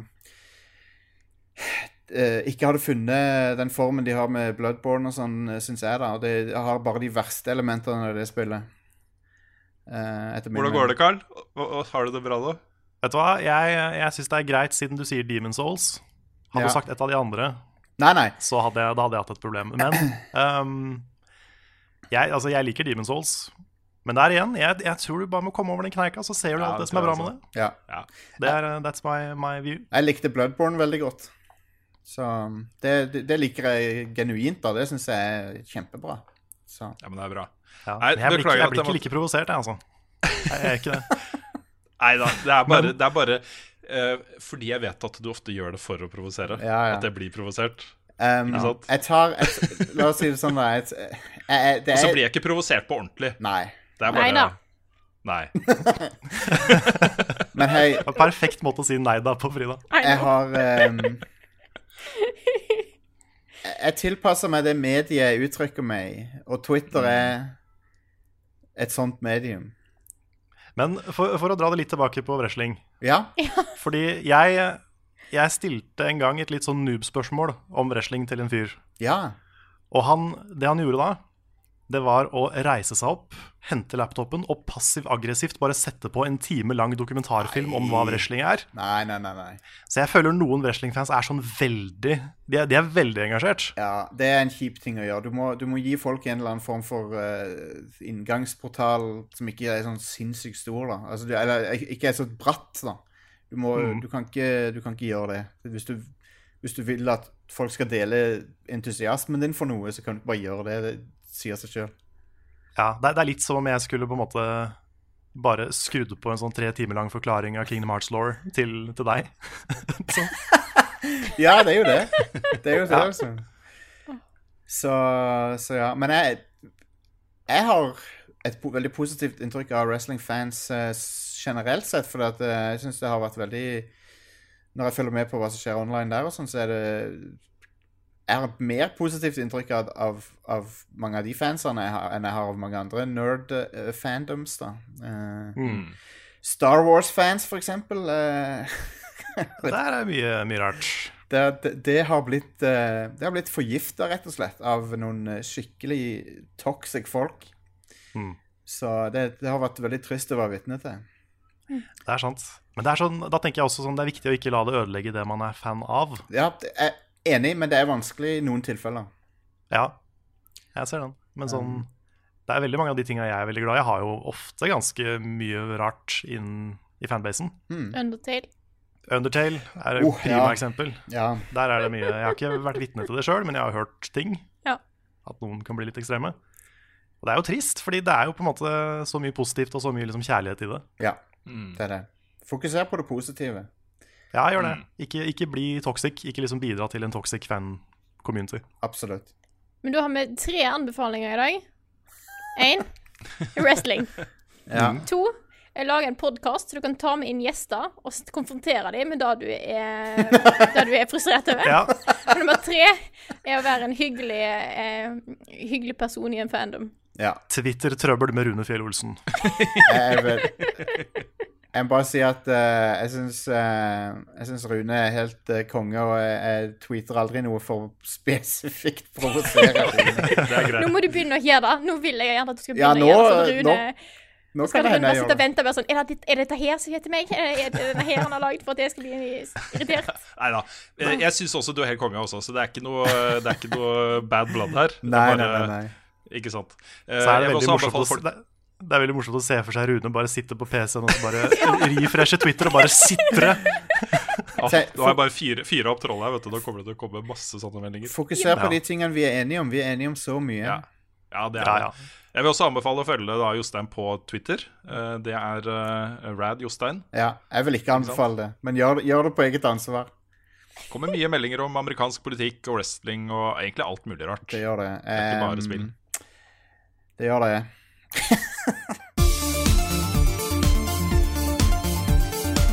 Vi har fortsatt masse tid igjen, så da skal Rune få lov til å snakke litt om nyheter. Har det skjedd noe spennende den siste uka? Det er jo kjempebra da, Nå har vi hatt en podkast hvor vi bare sitter og babler og babler, og klokka går. Uh, og så kommer vi til nyhetsspalten, og så er det jo Gamescom. Ja. jeg tenkte du skulle si at det, er- er jo ikke så mye som har skjedd denne uka her. Og så er det jo da- timing. Så, Ja, det ja. har skjedd ganske mye. Ja. Eh, vi må også ta en prat etter hvert, for nå blir det jo relansering av et nyhetsmagasin eh, ganske snart. Kanskje allerede neste uke. Vi gjør får ta en liten diskusjon på bakrommet om hvor mye nyheter vi skal ha her kontra der, og hvordan vi skal gjøre det. Fordi det kommer til å bli mye repetisjon. Men inntil videre så har vi podkasten, så da tar vi de største tingene. Det er sikkert masse jeg har glemt, men jeg tar noen av det i hvert fall. Uh, Sekiro har fått lanseringsdato 22. mars. Yeah. Og ikke minst, de har latt folk få spille det og gjøre opptak av spillinga som nå er sluppet. Så de har sittet nede på Gamescom, spilt det, lagt ut video. Og det har kommet så mye, og så mye bra. Mm. Ordentlig, ordentlig kult, altså. Dere har sett litt på det, dere også? Ja. Ja. Jeg så videoen til Epic Namebro, som er eh, tror jeg er min største autoritet på, på alt som er Souls-relatert. Og han, eh, han gikk jo litt i detalj på liksom hvordan det nye systemet fungerte. At det er en sånn uh, stance At det er mye mer fokus på det å skade fiendens liksom Hva heter det? Positur. At du skal på en måte sette dem ut av spill, i tillegg til HP-søyla, som også er viktig. Og så må du ta sånne critical attacks for at de i det hele tatt kan få de ned. og sånne ting. Så det er mye mer eh, strategisk, virker det som. Du må tenke mye mer på når du slår, når du blokker, hva det har å si for kampen. Um, du kan jo hoppe, og du kan eh, grapple rundt på mappet. Så det er mye mer bevegelse. Og i tillegg så er det jo et stealth-spill Mm. på toppen av det. Jeg, så, jeg har ikke sett så mye av eh, de videoene som er ute. Jeg har sett noe av klipp her og der, for jeg vil ikke se altfor mye. Men jeg så et klipp hvor, eh, hvor det var da en boss, eller i hvert fall en miniboss. Uh, Det er en svær, en svær fiende, i hvert fall. svær fiende. Og han slo og slo og slo og slo. Jeg husker ikke hvem dette var. Eh, ordentlig så rulla rundt og blokka og alt mulig rart. Og bossen gjorde ingenting. Han defenda seg ikke i det hele tatt. Før han til slutt bare tok tak i eh, spilleren, deisa han i bakken, pælma han utfor et stup. Ja, Konge. herlig. Så ja, nei, det ser eh, latterlig lekkert ut også. 22. mars, altså på den. Eh, PC, PS4 og Xbox One. Um, litt relatert, det er annonsa en Dark Souls Trilogy-pakke. Som de måtte gå ut rett etterpå og si at det er ikke for Europa. og liksom. Folk var sånn yay. Nei. Nei. Den kommer bare i USA og Asia. What the hell er greia med det, da? Ja, hva skjer med det? rart. Det syns jeg er meget rart. Det er, sånn, det, er, det er vanlig at bare Japan får ting. Ja. Mm. Men det er ikke Ja. så vanlig at Japan og USA får ting. Nei, det kommer sikkert et eller annet for Europa etter hvert, tenker jeg. Kanskje. Trials Rising har fått lanseringsdato. Det er 12. februar. Hei. Eh, Det vil være også en closed beta som starter den 13. september. Og for å være med i den, så må du gå på hjemmesiden til Trials, uh, uh, Trials Rising og melde din interesse. Det også ser eh, dritbra ut. Kommet en del uh, ny trailer og noe sånt. Det ser kjempebra ut. Mm. Ubisoft har også annonsa at Assassin's Creed tar pause i 2019. Jeg liker den utviklinga. At de eh, lar seriene få hvile litt. Jeg håper flere følger etter. Det er nok mange serier som kunne hatt godt av et pauseår eh, i ny og ne. Call of Duty. Ikke sant? Yes. Ja. Veldig spent på Odyssey, da. Om det, for det er jo kjempespent. bare et år etter eh, forrige. Det ser veldig bra Mm. ut, syns jeg. Det gjør det. det, gjør det. Det er så mange som snakker om Nå kan du se liksom effekten av trender i spillbransjen fordi det er så mange utviklere. Jeg har hørt på en del uh, sånn Gamemakers-podkasts og sånne ting. Det er så mange som mener at The Witcher 3 er det beste ever. Og som har blitt veldig inspirert av det. Og som uh, har henta inn inspirasjon fra det spillet i sine spill. Eh, God of War, uh, godt eksempel. Og også, eh, også Assassin's Creed, eh, Origins og eh, eh, Odyssey. Mm. De sier det rett ut i intervjuer, at eh, dette er mye av dette er basert på hvor godt vi likte The Witcher 3. så det er litt eh, kult å se. Går det noen år, ikke sant? så kommer liksom alle de tingene som er inspirert av det, og blir bra av det også. Ja, ja. Uh, Mutant Year Zero Road to Eden, som jo er det Funcom publisher spillet, um, Ja. har fått lanseringsdato 4.12. Kommer i år. Ha. Det trodde jeg var mye lenger unna. Ja, jeg blir ikke overraska hvis det blir flytta på også, men uh... Nei. Det er veldig, uh, veldig appellerende, i hvert fall for meg personlig, så har det en veldig uh, appellerende stil, det der. der. Så jeg er veldig keen på å Mm. prøve det. Ja, det er jo mutanter. Du skal ha en del stealth og story, men også XCOM-inspirerte battles. Så det er veldig strategisk, da. Ja. Så jeg liker, liker stilen her sjøl. Et spill jeg vet du er veldig glad i, Jostein. En serie. Ja. Halo The Master Chief Collection kommer nå til Xbox GamePass, endelig. Oh, wow. 1.9. Og det er da Halo 1, 2, 3 og 4 i 4K 60 FPS. Veldig bra. Mm, Begynner den å bli en del value, den uh, til. GamePass-greia. Altså. Ja, det gjør det. Det er mye bra der. Hele Fable-serien er jo der, og Mm. Nice. Gears og Mange er eh, glad i The Settlers-serien, som nå Ubisoft Jeg tror ikke de hadde den fra starten av, det er jeg ikke helt sikker på, men de eier i hvert fall eh, serien nå. Eh, De skal komme med en re-release av Settlers 1-7, og så lager de et helt nytt The Settlers som skal komme ut i 2019. Dette er jo sånn kose um, city planning, men fra gamle dager, liksom. Mm. Mm. Sånn, ja, Vet at uh, Lars er erkefan av Settlers. Ikke sant? Og Jeg har ingen god oversikt over serien, men jeg vet at noen av de Settler-spillene er kjent for å være dritbra, mens andre er kjent for å være mindre bra. Ja. Så Men det er jo skikkelig old school-serie, det der. Det er jo like old school som Mm. SimCity og sånn, nesten. ja, Ja. ikke sant? Det er, var ikke det rundt samme tid som Age of Empires var stort? Og, Jo, da, hadde du, Og sånn. da var du opp, allerede oppe i Settlers 3-4 eller noe sånt. nå. ja. Ja, 93 er det første fra. Hm. ja, ok. nettopp. Kom ut på Amiga. Wow. Mm. Det er såpass, ja. Ja. Det er old school. Shenmue 3 har fått lanseringsdato. Det er 27. august 2019, så et helt år til, da, med andre ord. Ja. Mm. Så Fikk jo uh, ny trailer også. mm. Jeg har ikke sett den. Så det OK ut? Jeg syns det ser uh, For jeg husker at den forrige traileren så litt sånn shabby ut. Ja, litt. Uh, jeg syns fortsatt det ser Og det ser ikke ut som et uh, high budget-spill, men jeg syns det ser bedre ut. Og okay, det ser ut som. Shenmue også. Det er jo også bra. Og så har jeg spart uh, den koseligste nyheten kanskje til sist. Uh, Life is Strange 2 har uh, blitt avduka i litt mer detalj enn som har vært kjent fra før. Mm.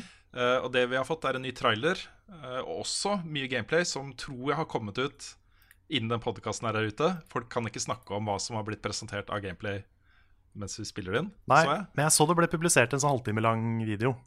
Det gjorde det, ja. Det er sikkert den, da. Det er sikkert den. Ok, det er sikkert han.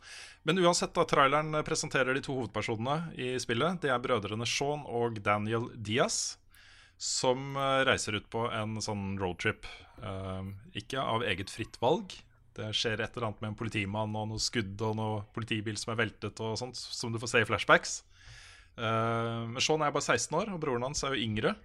Så det blir jo litt sånn uh, Stand by me, kanskje. Litt sånn et eller Mm. annet der.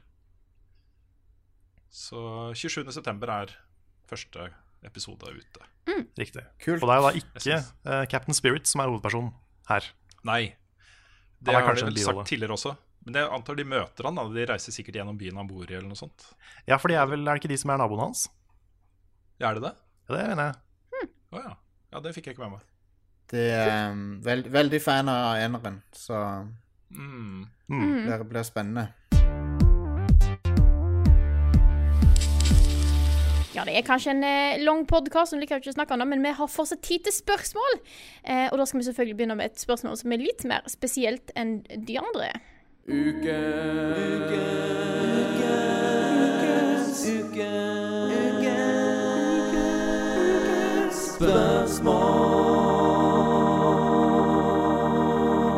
Ja, vi skal ha ukens spørsmål, og nå ser jeg at jeg er sjukt litt rutt og har glemt å finne det fram, men jo da, her er det. Hvis inter... Jo da. Eh, vi har fått et spørsmål eh, som eh, Carl har sendt til meg, eh, fra en fyr, og han har glemt å ha med navnet, og da syns jeg egentlig er litt dårlig Oh, ja, shit, eh, vet du hva, det skal jeg sjekke. Det skal jeg sjekke. Men jeg har det her, så det, går, det finner jeg ut av. Okay. Det er fra Daniel Kvien, som spør. Det sies ofte i dag at spill har blitt allemannseie. Spill er noe mer konsumert enn film og musikk osv. Før ble spill ansett som noe sært, og kun rare, nerdete mennesker drev med sånt. Mitt spørsmål er, når tenker dere denne forvandlingen av holdninger til spill skjedde, og når ble det mer allemannseie? Altså, hva enkelthendelser eventuelt, eh, eller eventuelt lengre prosesser fikk dette i gang? Ja, Stort, spørsmål. spørsmål. Mm spørsmål. Mye av det har jo med alderen til spillere å gjøre. Også mange av de som eh, ble glad i spill, var jo kanskje liksom 8-10 år gamle på midten av 80-tallet, begynnelsen av eh, 90-tallet. Eh, og rundt da midten av 2000-tallet, altså ikke midten av 2000-tallet, etter to, år 2000, før 2010, jeg ser sånn rundt 2005. Veldig k- k- eh, klønete forklart. Jeg skjønner ikke hva årshold du snakker om i det hele tatt. Nei. Rundt 2005 så var jo de liksom um, i en posisjon hvor de kunne forsvare spillmediet litt. Uh, og fikk også ammunisjon av en del spill som um, hadde tematikk og en uh, tone og et uh, kulturelt innhold som de kunne forsvare.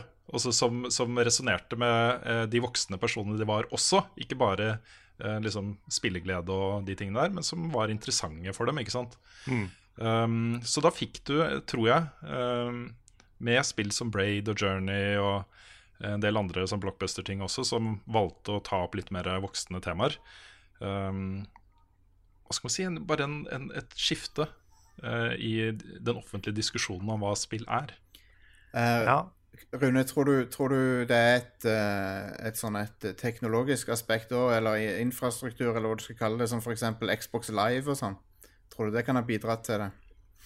Jeg tror det var viktig, og så tror jeg også eh, grafisk utviklingen. Ja. At ting begynte å se liksom penere ut. Det var ikke bare blokker på en skjerm som man måtte, måtte leve seg inn i for å kunne skjønne liksom at ok, her, det her er det en, en eventyrer som er ute på eh, romekspedisjon, eller ikke sant. Men at uh, monstrene så bedre ut, og planetene du besøkte så bedre ut, og ting så rett og slett bedre ut.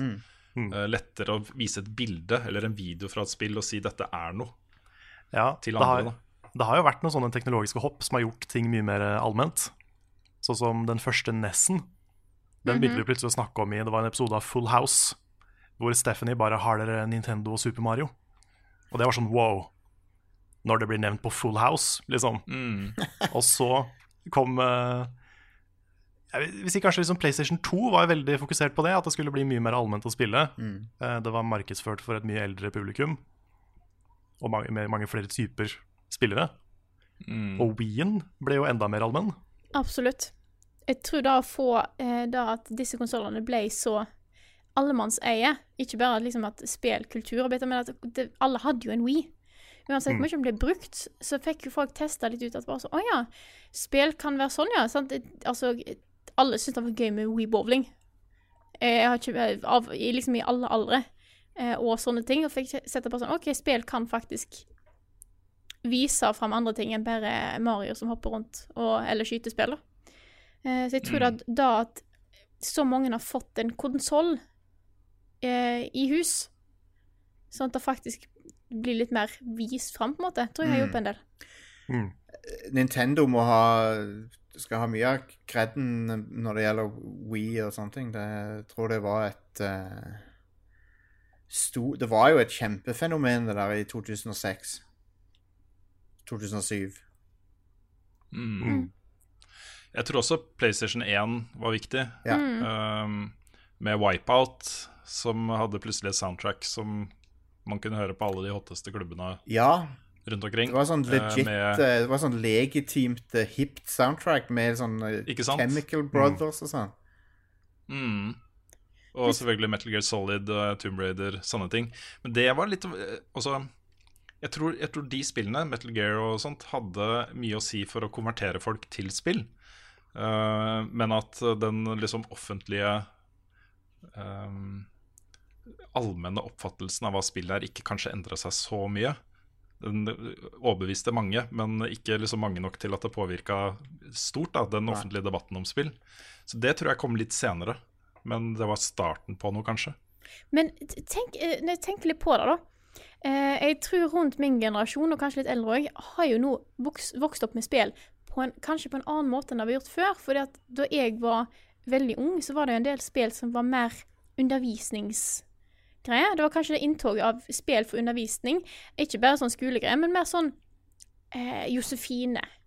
Eller altså Flåklypa-spillet. Alle i min alder snakker om Flåklypa-spillet. Eh, Det var veldig mange sånne spill som var på en måte OK, dette er eh, en type underholdning for unger som kan lære de litt ting. Da fikk de et inntog i, den, eh, i spillsjangeren, da. Mm. Fra en annen eh, retning. Min barnehage var, eh, kom i avisa, fordi det var den første barnehagen som eh, hadde en PC der du kunne spille PC-spill mens du var i barnehagen. Oh. Det var sånn, det var, da var mange veldig skeptiske. Men uh, jeg syntes det var dritkult. Ja, jeg, jeg ble jo hekta på den PC-en. Det var ikke så mange andre barn som brukte den. Mm. Men um, jeg føler jo det er jo litt sånn Det er fortsatt litt igjen å gå før jeg vil si det er helt allemannseie. Det er det, altså. Ja, ja, ja. Jeg føler jo at det kanskje virker mer allment for meg fordi jeg har den jobben jeg har, og fordi jeg har så mange venner som spiller. Jeg, har jo nesten, jeg kjenner jo nesten ikke folk som ikke gjør det. Nei. Men det er jo mange miljøer og mange aldre der hvor ikke det er sånn. ja absolutt. Det er nok eh, vi, vi lever nok litt i ei boble også, så det er greit å ha det perspektivet. Ja, På mange måter så syns jeg kanskje det har tatt et lite skritt tilbake nå, i hvert fall i Norge, hvor eh, vi ble lagt ned, og Pressfire forlot Dagbladet, Jon Cato forlot Aftenposten og, Ja, og sånne ting. Fordi hvis du ser på spill fra utsiden nå, så får du inntrykk av at det bare er fenomenbasert. Ja. Altså, det er jo eh, bare Fortnite og Pokémon Go og sånn som får mye oppmerksomhet, ikke sant? eller eh, kjempestore turneringer hvor de har vunnet eh, 30 millioner dollar.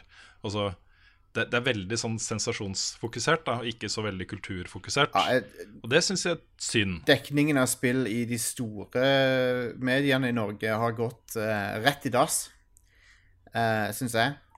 Mm. Uh, det er dere, Pressfire, um, ikke så mye annet, som, som Mm. prøver å dekke bredden i det. Sånn Dagbladet og VG og sånn, det er, det er begredelig å se den, se den utviklinga det har tatt, altså. Ja, Det får være dine ord. Jeg har ikke lyst til å ta de, de ordene i min munn. så sterkt. Nei, nei, det, Men, men jeg, Jeg bare, Jeg syns som, det er synd som leser, som konsument av, eh, av media, så, så, så har det virkelig uh, tatt en nosedive, altså. Men det, nei, det er mine ord. Det er helt riktig. mm. Um, så Fordi jeg føler ikke det, det reflekterer den eh, faktiske interessen Nei, blant, Nei. absolutt ikke. blant Det folk. ikke. Nei. At det er eh, synd at de må liksom oppsøke kanaler som vår og podkaster som vår Mm. for å få en, eh, hva skal man si, en litt seriøs eh, prat om hva spillet er, da. Ja, men de, dere, dere skal ha kred for oss å, for oss å liksom ha en breddedekning eh, for, av spill som eh, overgår det noen av de eh, store mediene klarer. Så Vi er et eh, mediehus, eh, men mye mindre. Ja, ja. Nei, men altså, det, dere er glad i spill. Det er ikke, for dere så er det ikke bare en sånn en eh, ettertanke, sånn som det er for de som skal dekke alle mulige slags nyheter. Der det, der det er sånn eh, fenomenbasert, liksom. Å, Fortnite er populært, da må vi skrive noe om Fortnite. eh. Mm. Spiller barna ikke- dine for mye Fortnite? Ja. Ja. Det, er så, det, Slik blir du god i Fortnite. det er bare sånn tull, liksom. Det er, det er totalt uinteressant. I hvert fall for min del. Ja, så, så vet jeg ikke hvor mange ganger jeg har fått den der meldinga, spesielt i VG, da. Fra folk som liksom Jeg spiller ikke så mye sjøl, men jeg er veldig nysgjerrig. Derfor så liker jeg å se på Level Up. Ja. Ja. Og det er, så, det er så synd at vi mista ganske mange av de da vi forsvant fra VG, for det er jo der de var. Ja. Ja. Og nå må de liksom søke opp og finne en YouTube-kanal for at de skal finne det samme stoffet. da. Mm. Det er kjipt. Ja, jeg tror jeg går glipp av mange eh, spill de potensielt kunne vært veldig interessert i å sjekke ut. Vi skulle kjøpt ads, vet du. Mm. På, på Dagbladet og VG. Og liksom. Ja, gjør det. Ja, ja, Gjør det. det er det vi skulle gjort. Vi har faktisk kjøpt litt eh, Facebook-ads og sånn. Men sånn uten å Jeg kan si liksom Det er ikke det at jeg må, må kritisere de store mediene for å si noe positivt om dere. Det kan jeg gjøre helt uh, isolert òg. Jeg syns dere gjør en kjempebra jobb uh, med å dekke spill. Punktum. Så Tusen takk. Takk for det, og i like måte. mm. Ja, i like måte, ikke minst. Mm. Ja, vi gjør, på, vi gjør det på vår måte innenfor de rammene vi har. Så vi oh, men det høres bra ut. Da tror jeg egentlig at jeg eh, hopper videre At vi hopper videre til neste, spil, neste spill og neste spørsmål. Men jeg syns at dere skal få lov til å foreslå i dag, siden vi nå begynner å gå litt tom for tid. ja. Korte ned min del av ansvaret og gir dere mer. Jeg syns det er en fin arbeidsfordeling. Kan jeg få ta et veldig sånn introvert uh, personlig spørsmål? Oi, introvert. Daniel Westad eh, spør Lurer på om jeg tar en whisper carry om et par uker, Rune. Og Daniel var jo en av de som jeg lagde Destiny-podkast sammen med. Uh, forlot ikke PlayStation 4 da jeg hoppa over til PC. Nå har han kjøpt seg PC, og han skal bli med på PC på Destiny 2 Forsaken. Oi, oi. Jeg er så utrolig gira på det. Det blir så kult å få han og et par andre, håper jeg. Og de andre um, gamle PlayStation-vennene mine. Det er over på PC-plattformen også. Det blir dritbra. Men om Whisper Carry Jeg ble båret sjøl, jeg. Jeg var som en sånn dau-vekt gjennom den uh, greia der for å få da den uh, sniper-rifla. Så sorry, Daniel, men uh, det er et meget bra level up-community rundt Destiny som heter The Level Up Cartel hvor eh, du har masse folk som gjerne bærer deg gjennom hva som helst. Så eh, jeg skal hjelpe deg inn der. Nice. Nice. Jeg har et spørsmål her Yes. fra Kim André Odne. Han eh, spør med tanke på logging av spilltid. Hva er deres tanker om logging av den minste lille ting både i og utenfor spill, som våpenskudd, lengde kjørt, skritt, tid i vann, tid i bil, søvn og så mye, mye mer som logges? Ja. Det er et kult, Jeg, eh, kult spørsmål. Mm. Mm. Jeg elsker når det blir nevnt sånne småting. Sånn, sånn det blir tatt det blir mer sånn der, eh, Alle spillerne i dette spillet her har drept så og så mange eh, slimes. I don't know. Jeg syns det er så gøy. Jeg elsker statistikk, da. Få opp litt sånn Få data på ting. Å, jeg er fornøyd. Har Se at folk har hoppa så og så mange ganger. Alt der. Å, det er fint. ja. Har, har ikke GTA 5 sånn enorm detaljnivå på den logginga? Jeg tror det. Jeg tror de har det. Det er sånn at Du kan se all mulig rare data. mange skudd du har avfyrt. Og... Jeg, jeg, jeg syns det er veldig kult. Jeg bruker ikke så mye tid på å se på det, men det er av og til så stikker jeg inn i menyen og i, i spill så har det, og liksom og sjekker ut uh, hvor mye jeg har gjort av ting. Uh, for det, det sier litt om åssen du har spilt spillet òg, så det er litt interessant å se. Mm. Det Absolutt. kom et uh, litt, sånn fact dump fra Bungie nå i sommer, uh, som går litt inn på dette her. De hadde, Et av de tallene de presenterte, var at eh, Destiny 2-spillere har eh, kollektivt brukt over 25 år på å delete shadere Wow! fra inventaret sitt. Holy shit! Er det en Ja, hva skal vi si om den statistikken, egentlig? Det er så mye som ligger inni der. Ja, 807 millioner shadere har blitt sletta in game. Det er et system da, som de har fått mye kritikk for. Så, Det var, så, det var så Da er det bullshit morsomt at de tar det opp. Ja. tu- tullete at shadere var sånn der eh, single use uh, i toeren. Mm, ja, Mm.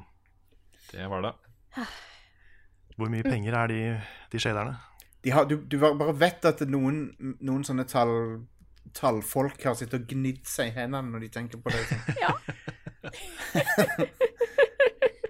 Sånn. Ja. Og tenk så mye vi kan tjene på de shaderne. Ja.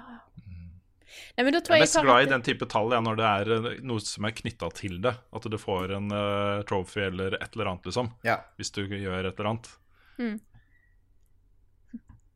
Jeg tror vi tar et enkelt uh, spørsmål til her, som jeg har funnet. Det er et veldig viktig spørsmål. Jeg liker å ta veldig viktige spørsmål her. Det er fra Andreas Jåsund som spør vaffel med pølser eller med brunost. Brunost. brunost kan jeg komme med en liten brannfakkel? Ja. Jeg er jo fra Moss. Jeg har aldri spist pølse i vaffel. Wow. Aldri, Jeg har aldri spilt det. Spi- Har du spist spist vaffelpølse? Spist- Aldri, aldri Spist det. Og det er nesten litt sånn derre Jeg vet ikke om jeg får lov til å komme hjem til Moss nå. Det er jo, det starta jo som en greie på Meløs stadion, fotballstadion i Moss, hvor de begynte å selge pølse i vaffel. Jeg har aldri, aldri spist Var det fordi de gikk tom for brød og lompe, liksom? Bare sånn Shit, hva gjør vi nå? brunost. Å ja, vi selger vafler også, ja. OK. Det, sånn lyspære over hodet på han. igjen. dårlig, går litt dårlig. Ja, det. Det her må jo bare ha starta som et uhell, tenker jeg da, hos en eller annen mossing. Ja. Det har vært morsomt å vite hvor det kom fra. Mm. Hvor de hadde hatt en pølse og hatt en vaffel og bare tenkt ja, ja, vi prøver. Jeg kan ikke si at det, det, det- er ikke noe godt spesielt med pølse i vaffel. ass. Det, det er OK. Det er sånn, jeg har prøvd det, det er OK. Eh, men vaffel og brunost, det er helt ypperlig, så Jeg har aldri prøvd eh, pølser i vaffel. Eh, og jeg er jo mest fan egentlig av eh, vaffel med syltetøy, men det går fint med brunost òg. Det, er ikke- det, det, det er ikke noe vondt, for å si det sånn. Jeg, fant ut, jeg er jeg er veldig glad i vafler, men jeg fant ut for ganske kort tid siden Fordi jeg, det har vært sånn annenhver for meg. Annenhver vaffel med syltetøy og rømme. Og smør og det er bra. Men for ganske kort tid siden så kombinerte jeg det. Altså rømme, syltetøy, brunost og smør. Oh. Og det Det, folkens, det var noe. En Det game, høres ut som game egentlig det changer. sånn, det høres egentlig ut som at det ikke er så veldig mye vaffel. Altså Hvis du ser prosentandelen, liksom vaffel Nei, det- og pålegg, så begynner det å bli ganske lite gjøre- vaffel. Ja, men det ja. du må gjøre, er at du må tilpasse deg mengden til at det er mange ting. Nei. Så ikke, ikke bare litt rømme og litt syltetøy og ikke sant, brunost og smør. Okay. Hvis du, hvis du Meget godt, lesser på med rømme og brunost og sånn, så, så blir det plutselig en sånn uh, lavkarbo-diett. så du, Ja, hvis du minimerer mengden med karbohydrater. Bare én vaffel, hel, hel haug med andre ting oppå. er Kona er flink hjemme til å ta melkeprodukter som har gått ut på dato, og lage vafler. Yeah. Det, det kan man fint gjøre. Det er bare alt det, alt det du blir syk av, fjernes når du, når du steker det på den måten. Så det blir mye mer rømme og sånt, og gjerne også litt grovt mel. da Noen ganger havregryn og sånt. Så det er blir jeg sulten. liksom stolte vaffeltradisjoner i, i hjemmet her. Ja, men det er bra. Da lurer jeg på om dere har et spørsmål til. Jeg har et spørsmål her. Ja? Det er fra vi Harald må eh, Ja. Så lenge, ja, men vi må snart runde av, så det, men vi har tid til ja. Rune må løpe, så derfor, eh, derfor vi må forte oss. Yes. Men Harald eh, Sømnes Hansen spør eh, Har dere begynt å vurdere maks spilletid for en anmeldelse. Jeg skjønner det er viktig for dere å vurdere spill fra start til slutt, men når spillene er digre, hvordan, hvor går grensa? Kan det være verdt å involvere flere anmeldere når, det, når, spillet er, når spillet når en viss størrelse, ikke bare for coop? Da Ja, det siste der hjelper jo ikke. Nei. Da er du tre da- stykker som må spille de åtte timene istedenfor. Ja, Ja, da tar det enda lengre tid. sånn, Ja. Når jeg har spilt 50 timer med Persona 5, kan du ta de neste 50? Det sånn, Hopper midt inn i, inn i det. Åh, Men nei, for Persona 5 tenker jeg alltid på når folk spør om det. Mm. Fordi det er jo et 100-timersspill. Men grunnen til at jeg ikke bare gir meg på 50 i Persona 5, det er fordi at i Persona 4 så kom det kuleste øyeblikket sånn 70 timer uti det. Mm. Og det gjorde faktisk at hele spillet vokste for meg. Det spørs ofte veldig hva type spill det er. Ja. Hvis du har et spill som er veldig, veldig, veldig storybasert, som en del RPG-er, eller JRPG-er ofte er, så er det vanskelig å gi seg før det er ferdig. Fordi at storyen er så viktig, og det å se hvordan den går, og hvordan den ender, er en veldig viktig del av det å fortelle hvordan spillet er. Mm. Mens i andre spill så på en måte innser du at det, jeg spiller til jeg føler meg ferdig. Uh, og det trenger ikke alltid være i det du Altså, det kan være før. Før slutten Mm. kommer. At Ja. du syns at du sjøl er ferdig. Du vil Ja, fordi Altså, Ja, unnskyld. alle tre poeng. Ja. alle tre. Uh, skal, kan jeg få lov? Ja, du kan uh, kjøre okay. på. ja, fordi uh, For eksempel, da, ta Skyrim. Main storyen i Skyrim er jo ikke det viktigste med Skyrim. Nei. Det er liksom Det er den verden og alt det du kan gjøre i den. Så hvis du har brukt si 40 timer i Skyrim da, uten å ha fokusert på main storyen, så vil jeg si du fortsatt kan anmelde det. Absolutt. Med, med spill som uh, ikke har en obvious uh, begynnelse og slutt, uh, på en måte, så, så føler jeg det er litt sånn på feelingen òg, lite grann. Føl, føler du at du har fått opplevd en, liksom, en representativ uh, del av spillet? Syns jeg, da. Altså, det, er en, det, er, det er flere sider med det også. Fordi eh, på den ene siden så er det jo Sier det jo litt om hva slags videoer vi har lyst til å lage. ikke sant? At det er viktigere for oss å ha det hele bildet når vi skal eh, lage et manus, f.eks. Eller eh, bestemme oss for hva slags video vi skal lage. Enn å få den ut så kjapt som mulig, en anmeldelse eller en video. Mm. Det er viktigere. Det trumfer det, på en måte. Um, på den annen side så snakker vi jo ikke Vi bruker jo ikke tid på spoilere i anmeldelser, så det kanskje det øyeblikket da, at du har gått og venta på etter 70 timer i Persona 5, at ikke du snakker om det engang i anmeldelsen, men du vet det er der, ikke sant? Mm. Og, og det former hva du har lyst til å si om spillet. Um, så jeg vet ikke. Det er, det er litt vanskelig å komme unna det når man først har begynt på det, føler jeg da. For jeg tror vi, du fint kunne ha lagd en dødsbra video av Persona 5 etter uh, 30-40 timer, liksom. Mm. Tror jeg, uten problemer blitt en veldig god video. Men det er det lille ekstra, liksom. Altså de siste 10% av kvaliteten, eller hva man skal kalle det, som er viktig for oss, da. Um, og som jeg tror er også viktig for eh, mange av de som ser på de tingene vi lager. Det spørs jo ofte òg når vi får spillet. For det er noen spill vi Mm. får eh, Hvis vi får dem før lansering, og vi har fått en embargo som er et lite stykke fram i tid, så syns jeg ofte det er viktigere å nå den embargoen enn å f Mm. klare siste boss.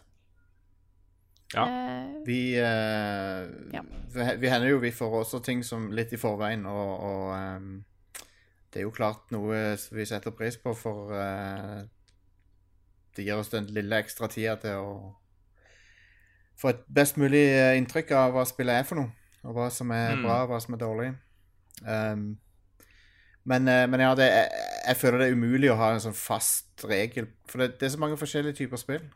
Så mm. Uh, Call, of, Call of Duty, der, vil jeg, der er det, liksom, det, det er ganske straight forward. For der har du OK, du spiller gjennom storyen. Uh, du spiller litt av multiplayeren. Så har du fått et bilde av spillet. Men det er, veldig, det er veldig sant det Frida sier om, eh, om JRPGs. Fordi slutten på de spilla er veldig ofte det som enten gjør de mye bedre, eller får de til å kollapse fullstendig. Ja, det er 100 sant. Um, Det er, sånn, det er så mange crappy slutter på JRPGs, Det er- og så er det noen som hever hele spillet. De der Bravely Default-spillerne De tenker jo fullstendig på slutten, syns jeg. Ja, det har jeg hørt. De, de klarte aldri å komme meg gjennom. Nei. Så Kjempebra førsteinntrykk, og så bare nope. Mm. Samme med Final Fantasy 15. Da gikk jeg hele spillet og ikke visste helt hva jeg syns. Ja. Og så begynte jeg å grine av slutten, og da bare sånn OK, dette er faktisk Dette her ble jeg glad i. ja. Det er egentlig veldig sant. Jeg tror egentlig at nå, nå ble det litt stilt, og da tar jeg det som at vi var ferdig med spørsmålet. Mm. Og da Ja, sier jeg òg at vi er ferdig med podkasten. Egentlig ganske Mm. enkelt og greit. Eh, Så da må jeg egentlig si tusen, tusen takk til vår kjære gjest, eh, Jostein fra Red Crew. Den- Tusen takk for at du eh, ble med i dag. Det er en sann glede å få være med. eh, det mener jeg oppriktig. Det er helt supert. Eh, jeg har hatt det kjempegøy. Så takk for at jeg fikk eh, være med. Veldig koselig å ha deg med òg. Takk for at du Veldig, veldig hyggelig. Og så må jeg selvfølgelig takke alle våre fantastiske backere på Patrion. Dere er de beste folka. Eh, så tusen takk for støtten dere eh, gir oss. kan vi jo også da nevne at eh, dere er vel også på Patron nå, Jostein? Ja, vi er det. Vi har, eh, vi har en Patrion-side i tillegg til det vi har hatt av premiumgreier før. Så det, men det, for mange, mange er det jo Patrion som er det enkleste, så du kan jo stikke til patrion.com slash radcrewpodcast. Eh, Der finner du oss. Um, Og så har dere en egen podkast for de som backer dere. det har ikke vi. sant? Den, den er nå den er, den er, Det fins fire år med liksom katalog på den, så hvis du liksom støtter oss nå, så får du fra dag én veldig mye. så Det er mange timer, Jostein. det, Ja. Ja, det er mye. Hvis, hvis av en eller annen grunn du ikke fikk nok nå, så kan du gå, så kan du gå der. Og hvis du fortsatt vil ha mer, så fins det jo en podkast med Jostein, Audun Rodem og meg, Ja. Der vi snakker om alle Final Fantasy-spillene. Vi la nettopp ut en video om Eller ikke en video, en podkast om The Spirits Within, Final Fantasy-filmen. Og vi planlegger å hoppe videre til Kingdom Hearts. Huh. og det er ganske mye for Jostein å spille før vi kommer dit. ja. ja. Ap Jesus Christ. Ja. apropos det å sette seg inn i ting. Good lord. Vet du hva, jeg gleder meg, fordi altså, jeg er jo den som er mest fan av oss tre. Eh, Audun er også ganske fan. Mens du er litt mer sånn på utsiden av Kingdom Hearts. Ja, ja. Jeg er ikke, jeg er ikke en av de frelste, men, eh, men jeg, jeg går inn med åpent sinn. Ja, men det er bra. Ja. Jeg tror det kan bli en fin sånn dynamikk med at vi er på litt forskjellige steder. Mm. Jeg tror det blir bra. Kan bli noen fine diskusjoner. Så gjentar også helt til slutt podkastfestival, spillpodkastfestival på Tilt onsdag 31. oktober. Det kommer til å bli en epic night. Garantert. Det blir Det er halloween, da. Ja, det er det det. faktisk. Det er halloween, da. Da må vi kle oss ut, Carl. Og Frida. Ja, Ja da. Det blir Ja. uh, Vet du hva, det blir stedet å være den kvelden. Hvis du er et annet Ja, sted, det det. så går du glipp av noe. Ja. rett og slett. Og med da så tror jeg at jeg sier tusen takk for oss. Takk for at du har hørt på denne episoden av Level Backup, og så snakkes vi igjen neste uke.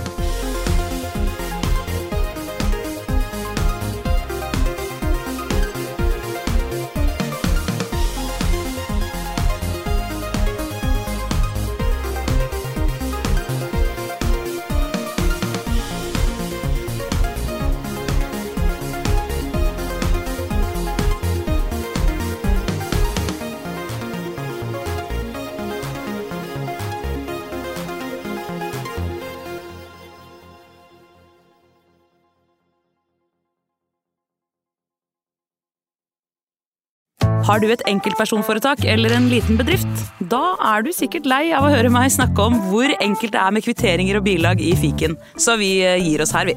Fordi vi liker enkelt. Fiken superenkelt regnskap.